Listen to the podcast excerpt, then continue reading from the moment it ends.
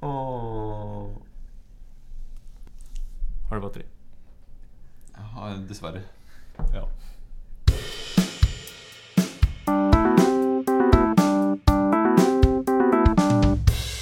Den gang da. Hei, hei, hei, hei, og hei og hei og hei, og velkommen til nok en episode av denne fantastiske historiske podkasten Pask... Åh, jeg som var så godt på vei.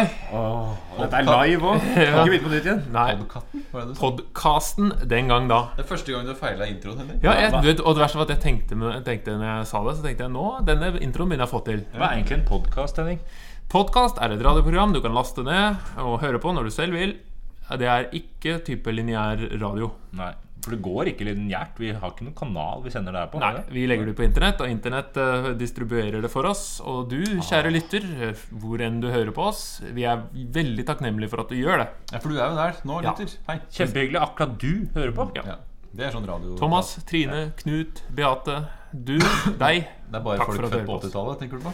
Ja, eh, ja Mathias, eh, Lukas. Ja, Nora. Ja. Emilie.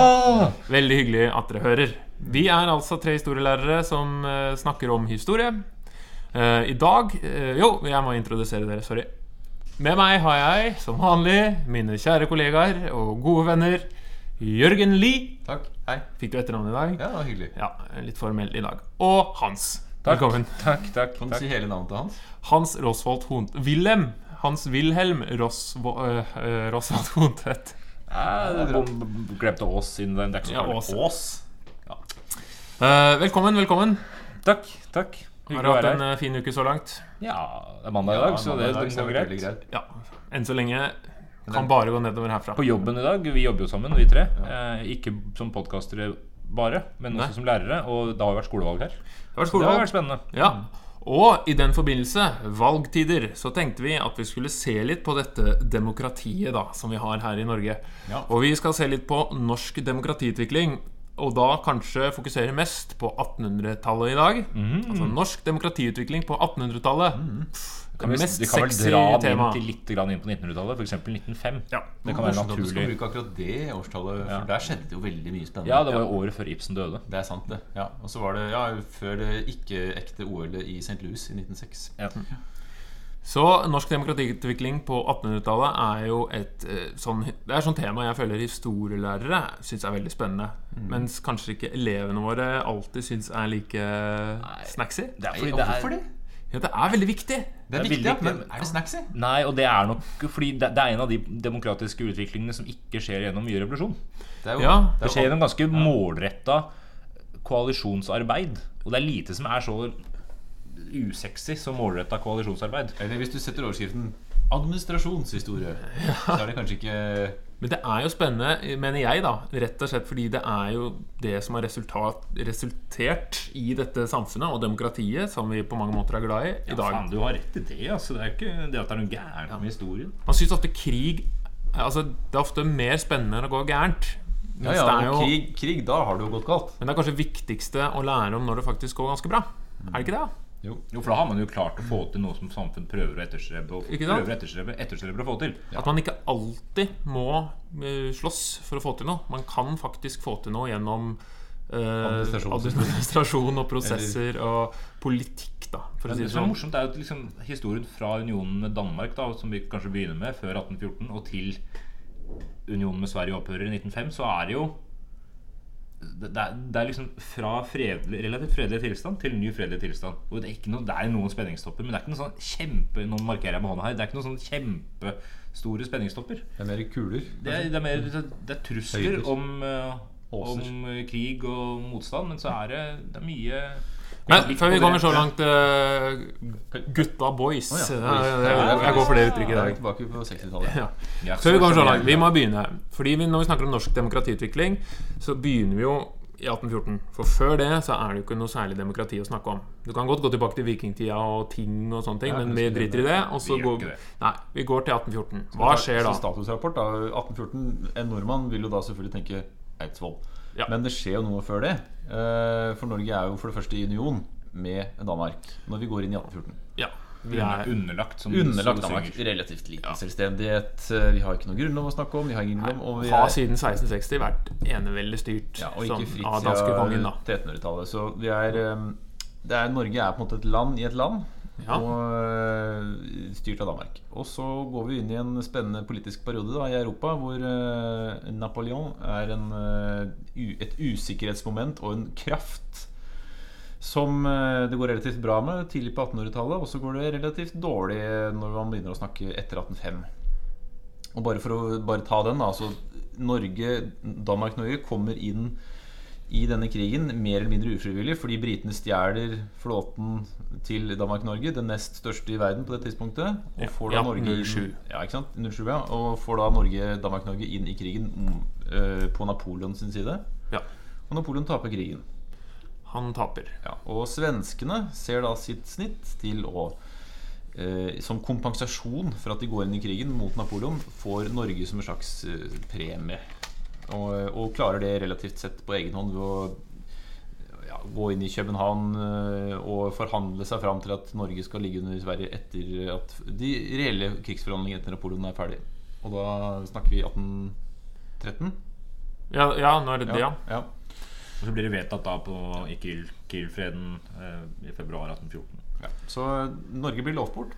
Men det er liksom teorien, da. Ja, for Norge blir gitt bort da til Sverige. Ja. I prinsippet så blir jo Norge en sånn kasteball. Ja. Her, eh, Danmark gir Norge til Sverige. Dette har vi nevnt tidligere, ja. men, det er greit en liten refresh hvis det skulle være glemt. Og så skjer jo dette samlingen på Eidsvoll, som du var inne på. Ja, fordi det er jo ikke alle i Norge som er interessert i å komme i union med Sverige. Det er noen som er det òg. Ja. Som syns at det er greit. Eh, Grev Jarlsberg, ikke osten, men mannen, f.eks. Han mener jo at det er eh, fornuftig. Men så er det det vi kaller noen opprørere. Da. Det spørs selvfølgelig hvilken side av historien man snakker om. Men noen opprørere som mener at eh, Norge kanskje bør satse på egen selvstendighet. Og så er det en eh, dansk eh, arving som heter Christian Fredrik, som ser sitt snitt til å bli norsk konge. Ja, Men han eh, lar seg overbevise og finner vel ut at han må velges til norsk konge. For det er jo litt viktig. Det er jo liksom, Ja. Nå begynner jo litt demokratisk, og han vedtar eller blir med og sier at det er greit at man har en grunnlov, som disse mennene på Eidsvoll da Man er inspirert av fransk revolusjon og amerikansk revolusjon. Så man ser Ja. maktfordelingsprinsippet bør ligge til grunn, og kongen bør velges, som du sier. Og ikke noe opplyst enevelde her. Altså Man snakker om en, en Folk- folkesuverenitet. mer folkesuverenitet. Som man folket i ryggen osv. Ja, Så 17. mai da, 1814 så står Norge med egen konge og egen grunnlov. Ja. Uh, Alt vel og bra. ja, Men eh, det, ja, så blir det jo en krig med Sverige. Sverige sier jo selvfølgelig stopp. Vi går gjennom dette litt fort.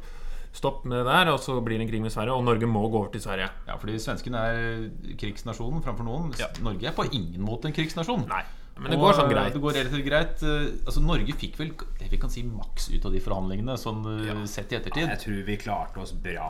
Ja, for Det er neste spørsmål. For Norge får lov til å beholde eh, grunnloven inn i unionen med Sverige. Ja, og det er, det er, ja, De til og med en revidert utgave som nærmest er mer demokratisk enn den første. Så Norge i utgangen av 1814 er underlagt eh, svensk eh, konge, men man har fått beholde denne grunnloven. Man har ganske mye på plass, egentlig. Man har eh, et storting, altså en folkeforsamling. Ja. Eh, Bare det er jo helt utrolig med tanke på hva man starta med det året. Absolutt. Og eh, det eneste vi ikke har, er på en måte utenriksvesenet, som svenskene og kongene. Ellers så har vi relativt sett Vi har et lovverk, vi har en grunnlov, vi har en folkeforsamling, som sagt, og vi har etter hvert et eget flagg.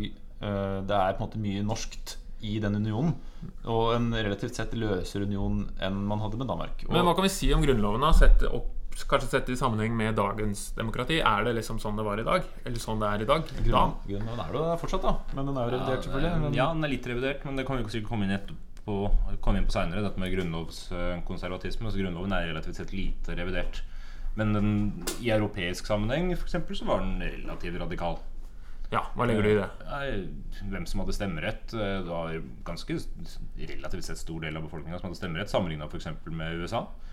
Eh, nær eh, Hadde kvinner stemmerett? Nei, det Nei da. Nei, for Det visste jeg, jeg visste det. 1900-tallet. Selvfølgelig ikke, ikke arbeidere heller, skulle bare mangle. Men, eh, Men det var folk, nesten 40% da som fikk Nesten stemme. 40%, og det er Det er faktisk. Og det er mye i 1814-tall. Det er det.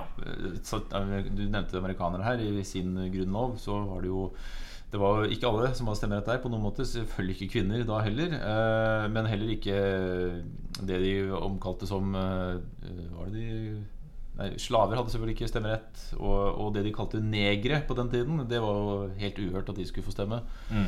Eh, Nå var det jo relativt sett også en del folkegrupper som kom dårlig ut da i norsk standard. Vi har jo jødeparagrafen. Ja, andre paragrafen eh, og det, altså, En grunnlov er ikke tilfeldig satt sammen hva gjelder rekkefølge på paragrafene. Så I første paragraf så står det at Norge er et fritt, uavhengig land. I andre paragraf så står det at det er eh, At kongen skal vedkjenne seg den lutherske kirke, og at jøder ikke har tilgang til riket, ei heller munkeordener og jesuitter. Så det står altså i Grunnloven. Og det gjør det ikke nå. Altså, Det ikke det men, nå. men det sto det ganske lenge. Det sto det jødeparagraf jøde, Altså jødeforbudet ble fjerna på 1850-tallet. Men uh, munkeordener kom seinere, og jesuitter fikk vel ikke tilgang til riket før på 19, eller 1950, 60, 1950 eller 60-tallet. Så vi har, vi har, det har vært noen år siden dette her var radikalt. Men hvorfor fikk Norge lov til å beholde grunnloven inn i unionen med Sverige? Ja, Det er et sammensatt spørsmål. Eh, noe av grunnen kan man tilskrive at Karl Johan, som ledet forhandlingene eh, for Sverige Han var selv ikke konge på det tidspunktet, han var bare kronprins, men den gamle kongen var ganske gammel og skrøpelig. Så Karl Johan fikk ansvaret. Han var jo av fransk slekt, eh, Bernadotte. Eh, men han hadde relativt sett dårlig tid eh, i forhandlingene. Fordi krigen med Napoleon var ikke helt ferdig. Nei, han han ville ned og krige mer, og han ville forhandle også om, eh, med de andre stormaktene på kontinentet. Og han, måtte, han, han ønska å, å få forhandla ferdig med Norge før han dro ned dit. Uh, derfor så svelga han nok noen kameler. Uh, det har også vært spekulert om han var om han var, hadde sympati med Norge. Uh, han var en revolusjonær, tidligere revolusjonær sjøl. For dette er jo i tiden. Ja. Altså Demokrati og demokratiske tanker er jo i tiden. Dette er jo i kjølvannet av opplysningstiden. Men er det noen andre eh, åpenbare grunner? Det, Det kan jo være rett og slett bare det å skulle ta over et folk, så er det greit å gi dem litt, da. Altså du Men, det, men man trengte ikke gjøre det før. Eller, ja. Det er mange eksempler på det motsatte. Ja, men Ja, ja, kanskje han tenkte så langt, da. Men husk at det her er jo etter revolusjonene. Det er mye som har skjedd i Europa. Vi er jo i en tid der man kanskje begynner å tenke litt mer i retning av folk.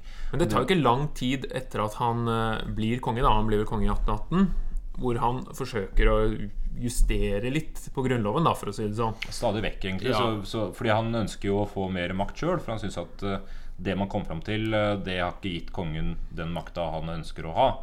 F.eks. at han vil at kongen skal ha større grad av veto på saker som Stortinget godkjenner. Ja. Stortinget på den tida her møtes ikke like hyppig som Stortinget nå. Nå møtes de hele tida. På den tida så møtes de hvert tredje Sitter her år. og spiller Pokémon Go. Ja, På den tida møttes de hvert tredje år. Karl Johan, etter at han ble konge, fremma noen forslag om at Stortinget bare skulle møtes hvert femte år. Og det der er jo for å få en treghet i, de, eh, i, i stortingsprosessene. Ja, for vi må jo si det, fordi da er jo Stortinget er jo den lovgivende makten. De vedtar lover. Hva er lov, hva er ikke lov? Kongen og regjeringen da som hans statsråder er jo da den utøvende makten. Så når Stortinget ikke sitter og lager lover, så er det kongen som og regjeringen da som er ansvarlig for å sette disse lovene ut til verks. Altså den utøvende makten av disse lovene. Og I utgangspunktet så er jo hvert tredje år sjelden, fordi det innebærer at, at regjeringa og kongen da styrer landet i de tidene der Stortinget ikke er sammen. Og det er ganske store deler av tida. Og spesielt med tanke på at det er kongen som velger regjeringa. Kongen valgte sine egne regjeringsmedlemmer. Noen av statsrådene hadde, eh, hadde posisjon i eh, Kristiania, men en del satt i Sverige også, sånn at dette her var, var en regjering som i alle tilfeller ikke nødvendigvis var De svarte ikke til Stortinget på noe vis, da. Ja. Så Sammenhengen mellom regjering og storting var løs. Ja, og det ville, man jo, det ville jo kongen Kongen argumenterte med det her også ut ifra at det var et maktfordelingsprinsipp her. Ja. Det skal være chille. Men han ville jo uansett da flytte det til fem år eh, per storting. Og det var Men han fikk litt gjennomslag. Han svømte litt motstrøms. Det var vanskelig å få gjennom det han ønska. Ja, det det. Fordi nå var jo altså Grunnloven var jo litt populær blant folk. Var den ikke det? Jo, den hadde støtte i folket. Og det var nye, Ny norsk nasjonalisme som begynner å komme. frammarsj, Og man hadde store Det er jo eh, på måte gullalderen på mange måter. Den, I hvert fall den kulturelle nasjonalismen i Norge, med mange kjente diktere som visste å bruke nasjonalismen i ja, ja. Men vi, kommer, vi må gå videre da fra dette. Fordi nå etter 1814, grunnloven er vedtatt, vi har gått i union med Sverige, men fått beholde grunnlov. Joho! Ja, Og, og så har det en periode i norsk historie som kalles embetsmannsstaten. Mm, Eller i hvert fall en politisk periode som kalles embetsmannsstaten. Det er jo også et sånn sexy begrep. Hva går det ut på? Det innebærer jo at det er, du har en del av det vi vil i dag kalt eh, administrative folk. folk Hva er en eh, embetsmann? Ja, det det, Har vi folk- bedre navn, morsommere navn enn administrative folk, eller? Nei, altså byråk- Elitemenn? Byråkrater. Byråkratiske elitemenn. Forskjellen ja, Hvor, hvor rart det enn høres ut. Menn som har fått et embete. Fylkeskommunale kjempefolk. Ja, altså Det, kan være, det er ikke sant om det er biskoper eller, og prester og professorer og offiserer og advokater, fugder og fo... dommere. Fugder og dommere. Folk Ja. med utdanning, da. Ja, det er folk som har fått Altså, vi har ikke embeter lenger eh, i Norge. Eh, Det har man slutta med. Professorat er heller ikke et embete, det er en ansettelse. ikke sant? Før så var det embeter, dvs. Si at det er ned, altså, de er nedsatt av eh, kongen. Eh, Så de er ansatt av kongen på et vis? ja, I stillinga si. Pekt ut? I stillinga si, ja, pekt ut. ikke sant? Og det det, dem, og dette her er et system som har vedvart fra dansketida, og det har gitt embetsmannsstanden en ganske høy posisjon. Fordi det er de som er nærmest, eller tradisjonelt har vært nærmest de beslutningene som blir tatt. ikke sant? Kongen velger jo da embetsmenn også til å sitte i regjeringa si. Og det er enten det er nordmenn eller svensker, og det er også stort sett embetsmenn som blir valgt inn på Stortinget. Ja, og det, kanskje ikke så gærent, for det er viktig å tenke at på denne tiden så var jo utdannelsesnivået ganske lavt. Yep. Mens embetsmennene En ting, altså De fikk jo mye æren for 1814. De sto fram som lokale ledere og på en måte var Altså de kunne det som andre ikke kunne. Så skulle De var en slags elite. Ja, og så handler det om at vi, vi, det var de som syntes av maktfolk. Vi hadde ikke noe adel å snakke om. Du nevnte grev Edel Jarlsberg i stad, og han er den eneste som gjorde noe av seg. i særlig grad Vi hadde Den gamle adelen var jo ikke noe særlig i Norge, så embetsmennene syntes. Svenskene var mye flinkere Ja, det, de er jo De- de kjempegode Eh, og, også, og en del embetsmenn var tett på der folk var, fordi de jobba ute i Teigen. Prestene var veldig tett på folk. eh, Folk var kanskje mest Ja. opptatt med å overleve neste vinter. det var det. Ikke sant? Ikke nasjonale det er- nasjonale det er politiske bedre å ha grev Herman Wedel Jarlsberg enn Geir bonde fra Lom. Ja, det liksom. syntes man i hvert fall en stund. Ja. Ja, for dette forandrer seg for jo. bøndene var ikke så interessert. Altså, de, de viste seg I begynnelsen De viste seg at også da de altså, Bøndene som stemte, viste seg at de stemte på embetsmenn. Ja. Eh, De hadde ikke noe annet å stemme på? Eller? ja, det var jo noe forsøk, men, etter, men dette her endra seg litt etter hvert. Uh, rundt det vi kaller Bondestortinget. ja, i 1833. 1833. Ja. Der, eh, der bøndene for første gang får uh, gjøre et inntog på Stortinget. Plutselig sitter de masse bønder på Stortinget. Det hørtes jo ut som en veldig enkel prosess. Ja, Men ikke sant? de aller aller, aller, aller fleste i Norge på den tiden var jo bønder. Ja. Eh, og plutselig ønsker jo bøndene noen som representerer eh, bondens rettigheter, da, for å si det sånn. Ja, man begynner å skjønne at Det handler om at to tredjedeler vel skulle springe ut fra bondestanden, men bøndene likevel stemte på embetsmenn. Men etter hvert, så i 1833, da, så får vi for første gang det Stortinget. og Det er, ikke et eget storting, bare så det er sagt. Det er som midnattssola. Det er ikke en egen sol. Men, eh, men det var første gang da Et storting som stort sett består av bønder. Ja. Ja. Og eh, de ønsker, bøndene ønsker jo lavere skatter, mindre militære plikter og litt mer innflytelse. hvorfor det med militæret? Det er litt interessant. Ja, nei, Fordi de måtte jo kalles ut til tjeneste. Og det var jo bare bøndene som hadde Bare- førstegangstjeneste. Ja, Ja. Så det er klart det er jo et kort strå, da. eh, Når embetsmennssønnene slipper å være i Forsvaret. Bare bøndene måtte det. Og Hvis vi skal se for oss eh, en, en typisk Hvor lenge var vervingstida på den tida? Sikkert jeg er lenger. litt usikker kanskje et par år. Jeg husker ikke Så så Se for deg at du er bonde og, skal liksom, og så kommer du hjem igjen, og så er det er ikke noen som har jobba på den jorda mens du har vært borte. Nei, Du må jo sende ut sønnen din, ikke sant? og Ja. han er jo en nyttig arbeidskar. Ja, Han. ikke sant? Og da sliter du med mat, kanskje. Du må du stå med eget utstyr, og det er mye du må gjøre. Og det koster penger, og det er dyrt. Sånn sett det minner om romerne, da. At de måtte Ja, det er kjøpe faktisk ja. Måtte de ikke det? da? Jeg mener å huske det. Jeg- vet ikke, Det er men lenge siden vi har hatt om forlatelsespalten. Ja, det blir mulig. Beklager Men en annen, en annen viktig ting i norsk demokratiutvikling er formannskapsloven av 1837. Det er også veldig snacksy, men Ja, men altså Lokalpolitikk, selv Ja. om det ikke er snacksy, så er det i hvert fall ganske viktig da for norsk demokratiutvikling. For det handler om norsk, eh, altså lokalt selvstyre. Ja, Det handler jo om at eh, du skal nedsettes et formannskap eh, er der, man, ja, men, altså, der en del avgjørelser kan eh, gjøres på lokalt nivå, Ja. og ikke gjennom eh, sentralmaktenes eh, klamme hånd. Da. Ja. Og dette blir jo også en vei inn i politikken. Eh, sant? For bønder Ja, for folk begynner å høre på altså, Etter hvert til å begynne med så har de ikke så veldig mye de skulle ha sagt eh, i formannskapene, fordi man er ikke vant til systemet. Men etter hvert så begynner de å få litt mer autoritas i sine lokalområder. Og det blir også en vei da inn i politikken. Begynne lokalt og jobbe seg inn i sentralt. Men vi har Bondestortinget og lokalt selvstyre lite grann. Men allikevel så fortsetter denne embetsmannsstaten ganske lenge. Embetsmenn er jo den trygge bautaen i norsk politikk på den tiden. De veit hva de driver med, vi stoler på de. Men så er det visse strømninger. Eh, Det blir noen arbeiderbevegelser som oppstår. Markus Tranebevegelsen. Ja. Markus Trane. Ja. Han er fin Ikke, ikke til forveksles med tranmel. Nei, Eh, det var mange som tok den referansen.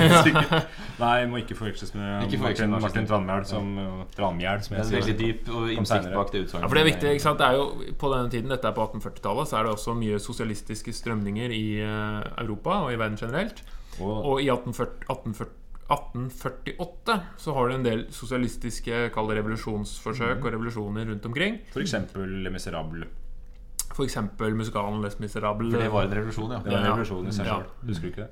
Rent musikalsk, eller? Ja. Og da får vi jo noen eh, forsøk spede en begynnelsen på en arbeiderbevegelse i Norge, med Markus Trane, som stifter da den første arbeiderbevegelsen i Norge. For han hadde vært i Europa og forlest seg på sosialisme og blitt inspirert av revolusjonen i 1848. Man kan jo si at liksom kombinasjonen arbeider eh, eller bonde og eh, bokkunnskap var ganske sjelden. Ja. Så det Ja. kan jo forklare noe om hvorfor man ikke får innpass i en stat på en større måte før dette. da At man Ja, ja, har på en måte ikke noen, noen, eh, noen talsperson for en veldig stor gruppe av samfunnet. Ja, og mm. Dette er jo liksom før den mm, virkelige industrialiseringen, men det er likevel masse fattigfolk. ikke sant? Folk som jobber på bondegårder og husmann, husmenn osv. De som ikke er i jorda sjøl, da. For Ja. Det er jo grunnen til at bønder ikke alltid har vært like velvillig innstilt til sosialisme, f.eks. For eksempel, fordi det innebærer også å måtte oppgi jorda si.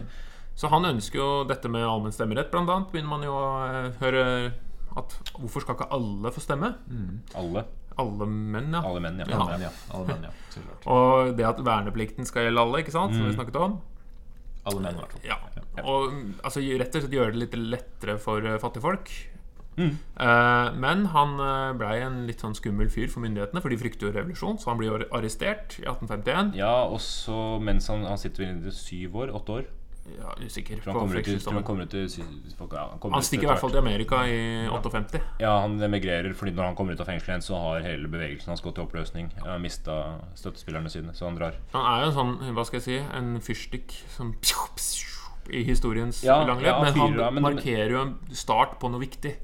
Som, som vi vet i kaosteorien, så også en fyrstikk som tennes og slukker, den har også gjort et, en eller annen endring og kan potensielt føre til noe seinere. Sånn at uh, Markus eh, Tranes eh, bevegelse vil jo også sette i gang en eller annen tankeprosess som kan drive, drive det videre, selv om han slutter, da. Så begynner det å vokse fram en del bevegelser som går imot det bestående. Altså Hvor man begynner å snakke om mer norsk selvstyre eller mer Ja. norskhet. Det her, gjør, det her skjer jo i alle samfunn. I all- alle samfunn der det er et, en eller annen rådende tendens, og det vil det alltid være, så vokser det fram såkalte motkulturer.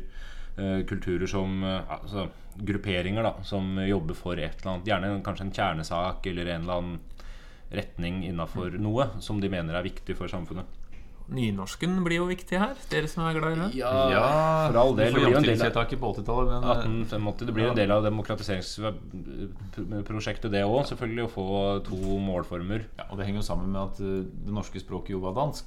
Altså det var ikke norsk. Altså det skriftlige, det skriftlige språket. Markere avstand til Danmark blir jo viktig. ikke sant? Så man, man, det å få et, et norsk språk som er bygd på den norske dialekten, er viktig for nasjonsbygging. Da. Ikke sant? Det er jo tanken at det skal bygge Altså mer og mer skal bygge på grasrota. da Det skal liksom vokse opp fra, fra folket, og ikke bare pressa ovenfra og ned.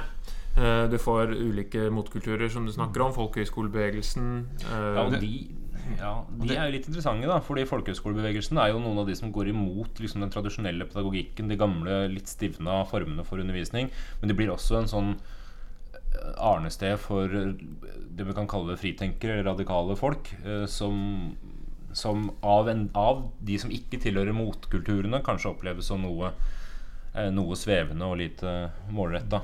Men det er, ikke, det, er ikke liksom, det er ikke for langt til å si at eh, bonden får en betydelig opphøyd status i løpet av dette hundreåret. Hvis man Bonden altså- blir jo symbolet på det norske, ikke sant? Tas med i nasjonalromantikken. Og, For første halvdel av 1800-tallet, ja. Ja, og det, det er jo en, det er en statusheving. Ja.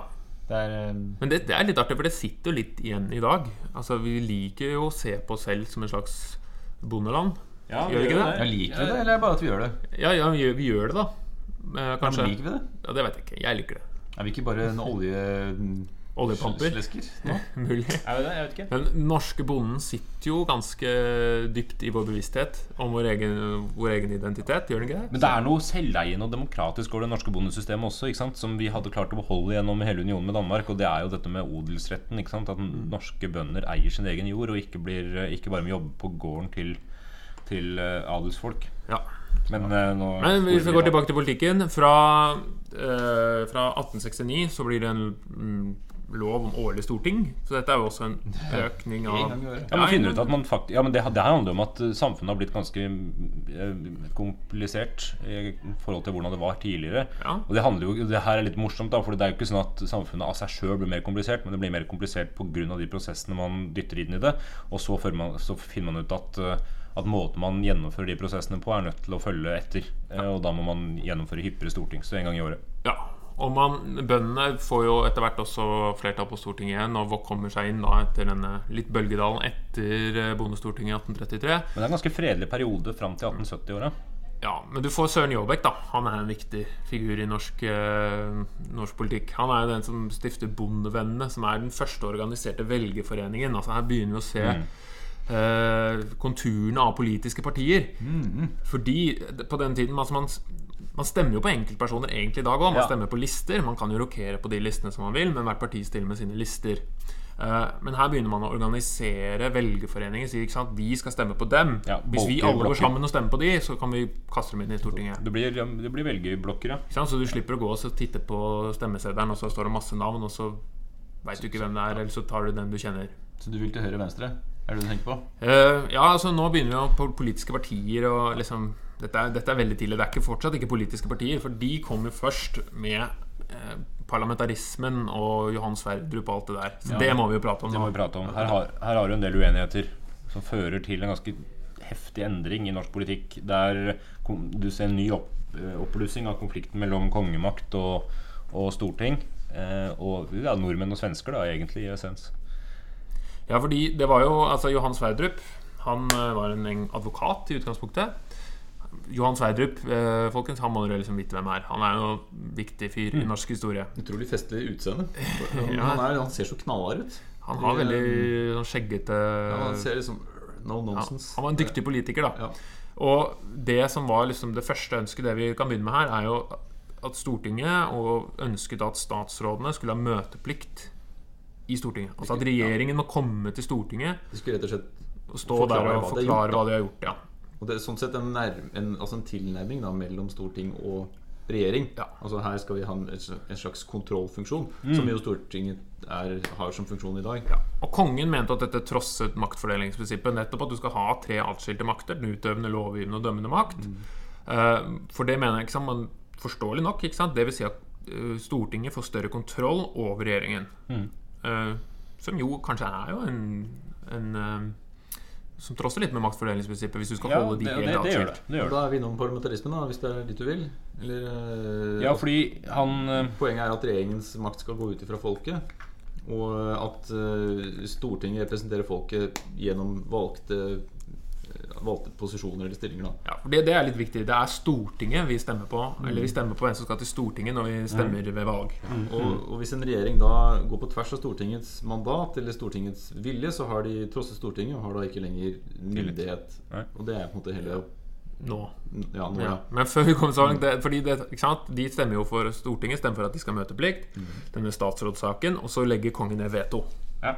Og det er lov til. Det er lov til. Ja, ja det, eh, dette her er jo saker som har med grunnlovsendringer å gjøre. Ja. Og det er uenighet om hvorvidt kongen skal veto, for kongen mener sjøl at han har eh, Absolutt absolutt veto. veto, i den saken. Mm. Motstanderne mener at han til nød har utsettende veto, og kanskje ikke veto i det hele tatt. Og her blir jo det står ikke noe i Grunnloven om den type veto. Altså, Så i statsrådssaken blir til vetostriden, hvor det blir en tvist om kongens veto. Men de vedtar jo møteplikten tre ganger. Uh, og kongen legger ned veto. Eh, men så blir regjeringen stilt for riksretten. Og så Og det, hva, innebærer det? Riksretten det innebærer at altså lag, Dette blir veldig teknisk. eh, Men Jo. Lagtinget, som er en, en kvart av Stortingets representanter og høyesterettsdommerne eh, de, de, eh, de, de dømmer i dette her, da. Og Odelstinget, da, som er resten av Stortinget, de reiser tiltale. Så rett og slett at Stortinget stiller regjeringen overfor en slags domstol. da Hvis det er noen jusnerder her nå som reagerer på at dette her ikke er sånn det fungerer nå lenger, så stemmer det. Eh, Riksrettssystemet har endra seg, men det var sånn det var da på 18... ikke delt inn i Nei, men det var sånn det var på 1870-tallet, så Ja, For dette er tross alt en historiepodkast. ja, Så ikke, ikke klag. Fordi Johan Sverdrups tilhengere De fikk flertall, flertall både på Lagtinget og Odelstinget, og fikk da regjeringen dømt Ble, Til og med statsministeren, Selmer, ble dømt da av riksretten. Oi, Ja. det var jo veldig grafisk. Ja. Og her, ikke sant, her er det jo Stortinget som på en måte tar en ganske drastisk Tar drastiske steg og, og rett og slett går i kongen rett i fleisen. Rett i fleisen. Rett i fleisen. Og, og kong Oskar, den andre som var svensk konge, han kunne da bare gått inn med militæret og liksom tatt statskupp og sagt at nå går dere altfor langt. Man blir kanskje ikke så populær av det. Nei, og han blir liksom overtalt til å si Ok, greit, greit, Johan Sverdrup, du kan få bli statsminister. Å, tusen og, takk. og det må være en form for nedverdigende prosess, for måten han sier 'greit, du kan få bli', er at han må spørre om han vil. Ja, Han må be Johan Sverdrup om å bli norsk statsminister. Fordi Før dette så var jo kongen kunne velge sin egne statsråd og da sin egen statsminister. Alle disse regjeringene kunne velge selv. Nå så må han velge Eller han spør de som har flertallet på Stortinget bak seg. Ta-ta-ta! Parlamentarisme. Dette er jo parlamentarisme. Nærmere bestemt i norsk sammenheng det vi kaller negativ parlamentarisme. Vi deler inn i negativ og ikke overraskende positiv parlamentarisme, som ikke handler noe om verdi å gjøre, men om eh, hvordan det fungerer. I Norge så må ikke, så må ikke regjeringen be om Stortingets tillit, hun bare sørger for å ikke få mistillit. Det er stadig vekk, og det er ikke så mye folk merker. Den som tier, samtykker. Ja, det er stadig vekk hele tida i norsk politikk så er det en eller annen form for diskusjon om vi skal gå over til positiv parlamentarisme, og det går litt fram og tilbake hvilke partier som mener hva, og det blir aldri noe særlig gjennom Altså Folk flest er ikke opptatt av det, så det er ikke så farlig.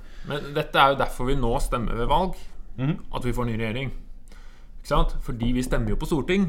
Men regjeringen utgår fra dem, de partiene som har bredest støtte. Og selvfølgelig et brudd på øh, på maktfordelingsprinsippet, men et velfungerende system allikevel. Tilsvarende det de har i Storbritannia, bort fra der har de positiv parlamentarisme.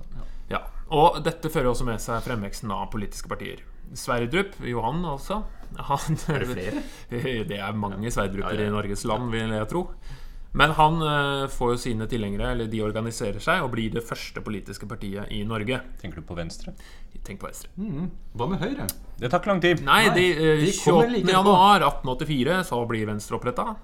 25. august 1884 blir Høyre oppretta. Da skulle du tro at det er veldig oversiktlig politisk. Veldig høyre-venstre. Høyre eller venstre? Høy, venstre er jo da liberale, det er bønder, det er alle disse som ønsker mer norsk selvstyre. Eh, og eh, Høyre blir jo embetsmenn, storbønder Altså de som ønsker at ting skal være litt sånn som det alltid har vært. Ja, altså, du kan dele inn i litt mer konservativ fløy. Ja, men, det, men man kan vel kanskje si at uh, høyre og venstre i dag er nærmere hverandre enn de var da? Ettersom det ikke var noen politisk akse å snakke Ja. om. Men da var det du to skiller. Det var høyre og venstre som var de partiene. Og Høyre da som det konservative partiet. Som jeg liker å si. Jeg stemmer sosialistisk. Det har jeg alltid gjort. Jeg er konservativ sånn sett. Nei, jeg gjør ikke det. Det er en vits som jeg, vits, men- jeg syns den var morsom. Men ja, ja greit. Eh, så da har, du, da har du fremveksten av to partier. Det tar ikke lang tid etter parlamentarismens innførelse at Venstre deler seg. Fordi Venstre har jo nå hatt en felles kampsak. Parlamentarisme.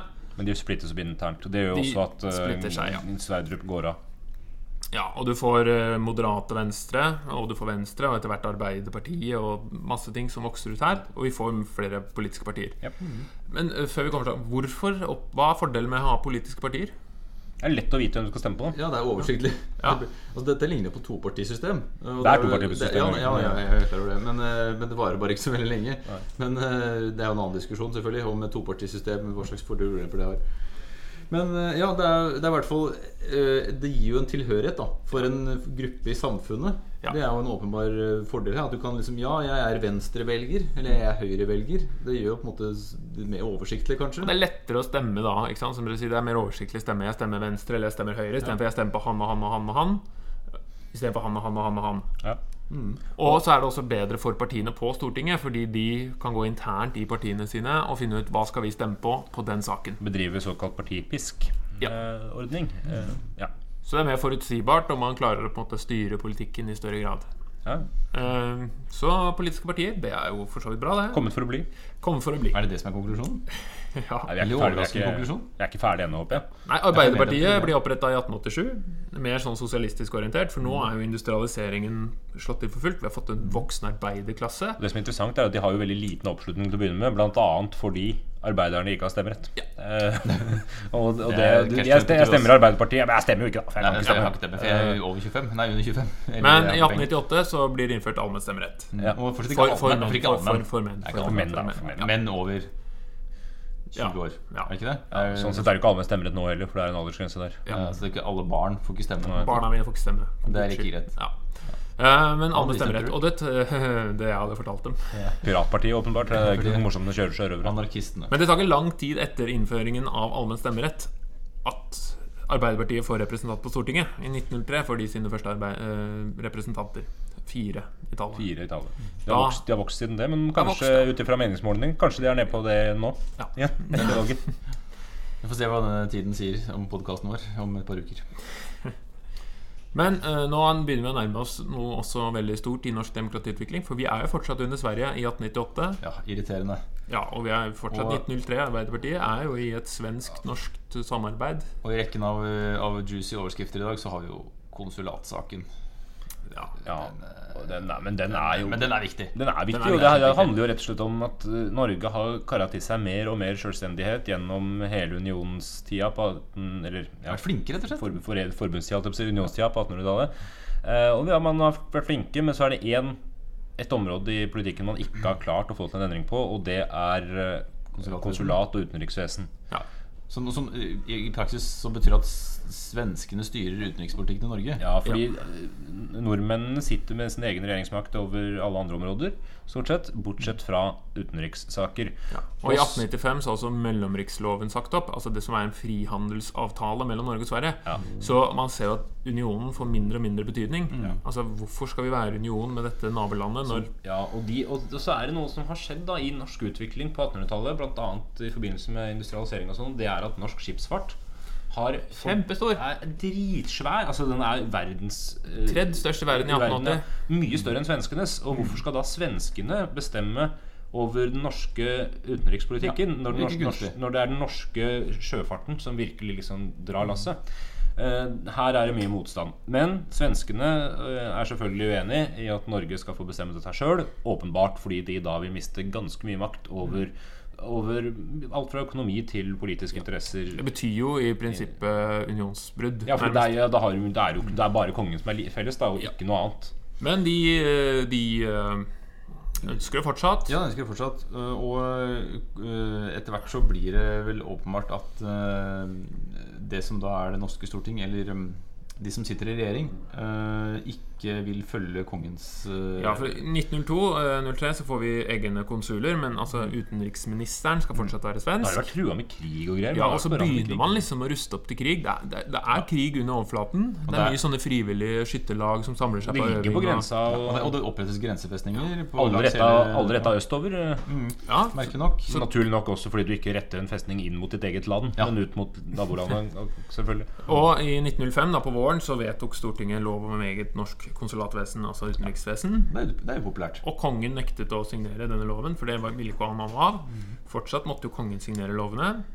Og regjeringen gikk av som resultat av det. Det virker jo tilsynelatende bare som en administrativ prosess, men Ja. kongen har store problemer med å finne noen som kan ta over. Ja, Så han, han får jo i praksis ikke noen regjering. på Han plass. ikke, Nei, han får ikke til å Og- og- og da- få noen ny regjering. Ja, og da sier jo på en måte altså, i, Det er på en måte Noen ganger så tenker jeg at sånne historiske hendelser Er det noe som er planlagt det, eller er det sånn at man plutselig står midt oppi noe, og så tenker man Vent litt, hva betyr dette? Ja, men, Jo, ja. dette betyr jo at kongen han, han, har, han har ikke klart å utrede en regjering. Han har ikke makt over oss. Sånn sett kan du sammenligne med det som skjer i 1814 nå. Mm? Mhm. At stormaktene førte et spill som plutselig endte med at Norge hadde noen måneder fri eh, til å plutselig kunne Fader, her må vi utnytte situasjonen. Noe av det samme kan skje i 1905. Ja, fordi han blir jo Kongen blir avsatt nærmest som en eh, Som en bisetning. Ja, som, Ja, han gjør det, og det er, det er et morsomt ildtelegram her jeg har fått tak i, som heter Ildtelegram. Det er åpenbart. Ildtelegram. Og her er det noen overskrifter. det, eller var det sånn ja. at det gikk uh, uh, Unionen erklæres oppløst. Midlertidig regjering inntatt. Norges trone ledig. Norge, det ser ut som det er en stillingsutlysning. Ja. Det er det jo for så vidt, men eh, Kvinner oppfordres til å søke. Neppe. Uh, I hvert fall så er dette her det vi kaller 7. juni-vedtaket. Og det er noe Stortinget erklærer, og det er litt interessant. Stortinget erklærer uh, en, et brudd med unionen med Sverige. De sier egentlig ikke at de har skylda heller. De sier at skylda ligger hos kongen. Og det de sier er at Jeg kan sitere hele greia. Da statsrådets samtlige medlemmer har nedlagt sine embeter, da Hans Majestet Kongen har erklært seg ute av stand til å skaffe landet en ny regjering, og da den konstitusjonelle kongemakt således er trådt ut av virksomhet, bemyndiger Stortinget eh, medlemmene av det i dag avtrådte statsråd til inntil videre om den norske regjering å utøve den av kongen tillagt myndighet i overensstemmelse med Norges rikes grunnlov og gjeldende lover med de endringer som nødvendiggjøres derved at foreningen med Sverige under én konge er oppløst som følge av at kongen har opphørt og fungere som norsk konge. Åh. Så lange setninger skriver man ikke lenger. Nei, det var én setning. var én setning, ja. Ja. Altså, Foreningen med Sverige under én konge er opphørt som følge av at kongen har opphørt å fungere som norsk konge. Ja, det er- Den setningen. Det er tungt. Nei, altså, men det er argument, argumenten ligger jo at kongen har ikke klart å gjøre jobben sin, så kongen får ansvaret for at unionsoppløsning er et faktum. Ja. Stortinget de sier egentlig bare at sånn har det blitt. Eh, Det er ikke de som tar på seg ansvaret, det er kongen Nei. som har skylda. Han har ikke lenger gjort jobben sin. Han har, nei, for han har ikke klart å Det er jobb, det er kongens jobb i et sånt Hvis jeg ikke hadde møtt opp til jobb og gjort jobben min uh, hver dag, så hadde jeg nok fått et skriv om at du har ikke gjort jobben din. Ja, ja. Så, øh, men her også, krigen ligger rett under overflaten. Det var soldater eh, som sto klare. Det var norske soldater. De sto liksom Det kunne fort blitt krig her. Det kunne også blitt på allsang til grensen. Eller hva det heter. Ja. På grensen til allsang. Allsang på grensen. Men det ble ingen av delene. Heldigvis var det jo krefter i Sverige også som mente at krig ikke fører med, seg- fører med seg noe godt. Noe har man jo lært. Uh, og de møtes på Karlstad, altså Norge og Sverige, da.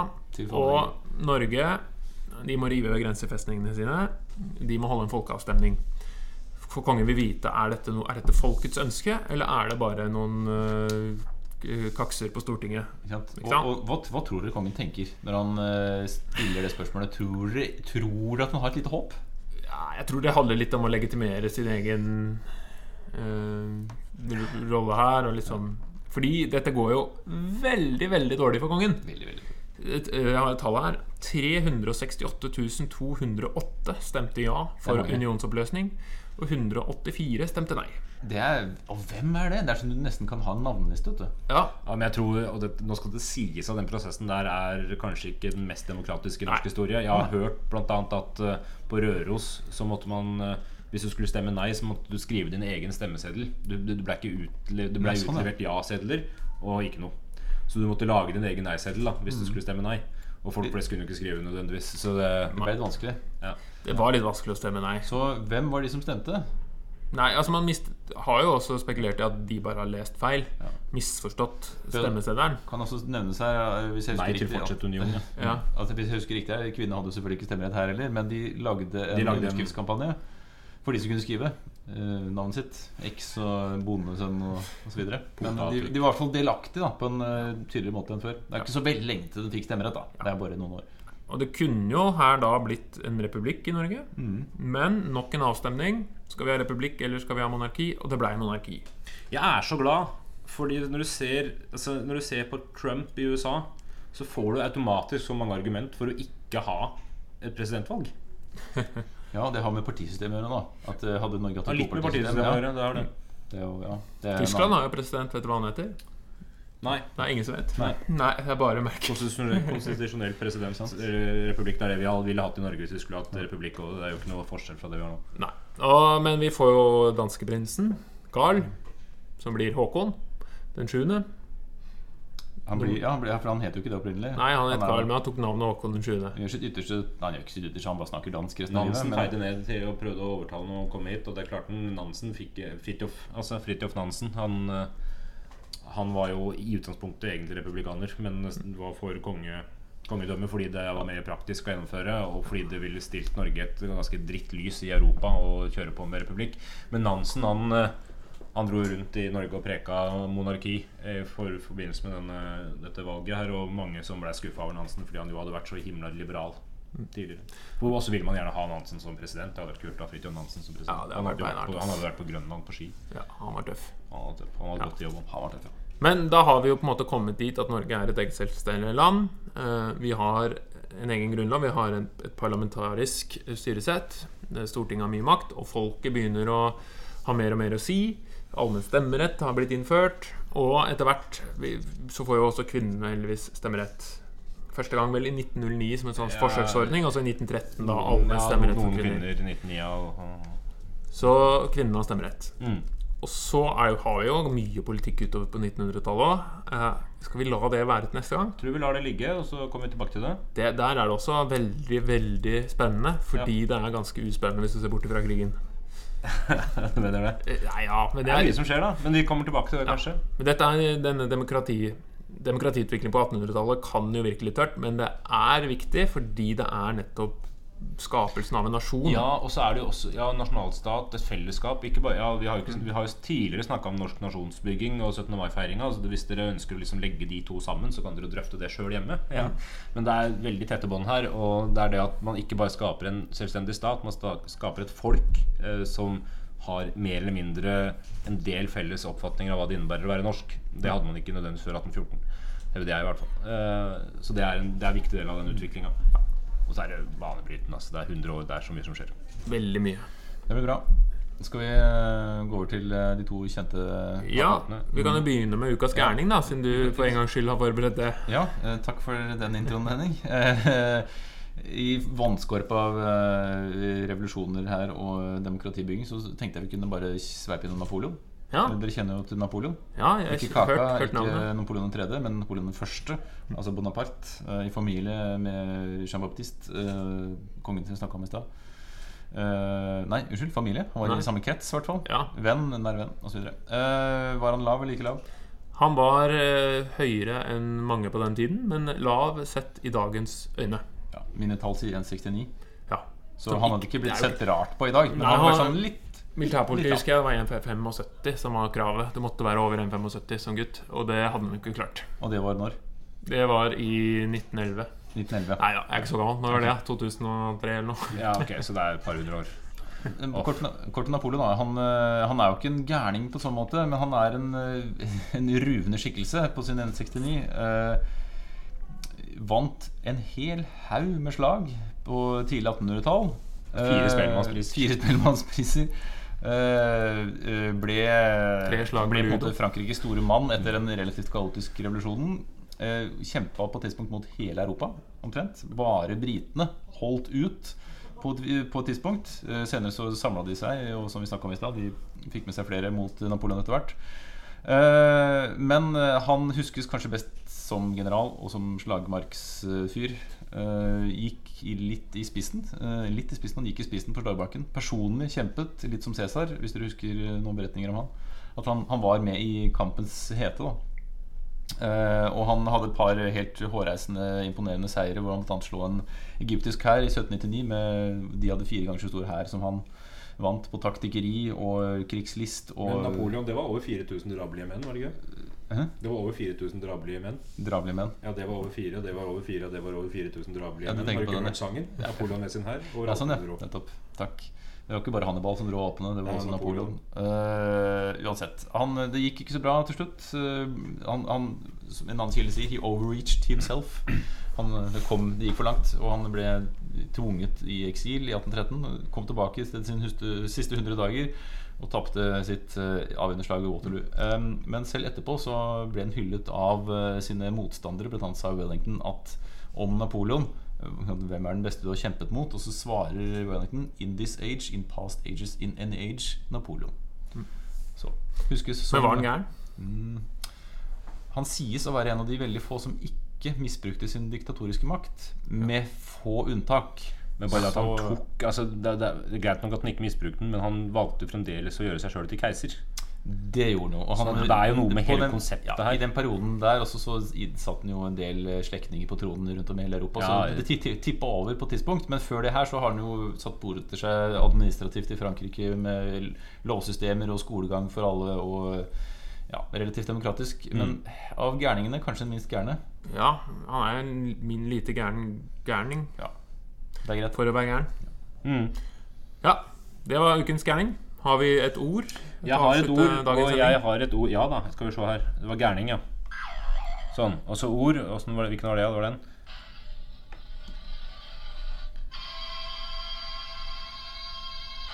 Sprutkjuttu. Dette er et trøndersk ord. Det har ikke noe med det her å gjøre i det hele tatt. Ingen connection. Men det er et ord, da. Sprutkjuttu. Ett ord, ikke to ord. Nei, det er bindestrek. Ja. Sprutkjuttu.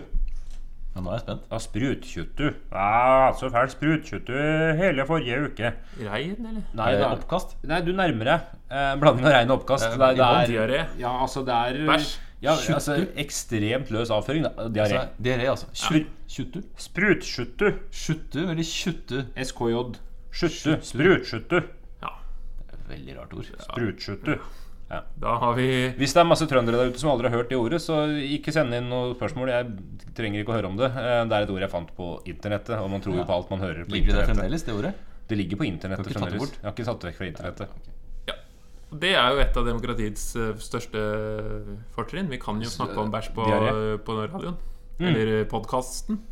Ja. Si hva du vil. Men det, det blir bare drittprat. Vi har ikke Ja. tid til det. Vi kan ha en podkast. Skal vi si takk for oss? Jeg Skal vi- tror det, ja. Ja, Skal vi se om vi skal dra på med politisk utvikling på 1900-tallet, eller? Er det spenstig nok? Er ikke den over, da, politisk utvikling på 1900-tallet? Vi er i 2017, tross alt. Vi får se. Nei, men jeg synes vi kan, vi kan se hva vi får til. Kanskje vi gjør det. Ja. Ja. Ok, da sier vi takk for nå. Ha det bra. Husk å stemme Husk å stemme på dette partiet. på dette partiet. Nei, stem på hva du vil. Stem på hva du vil.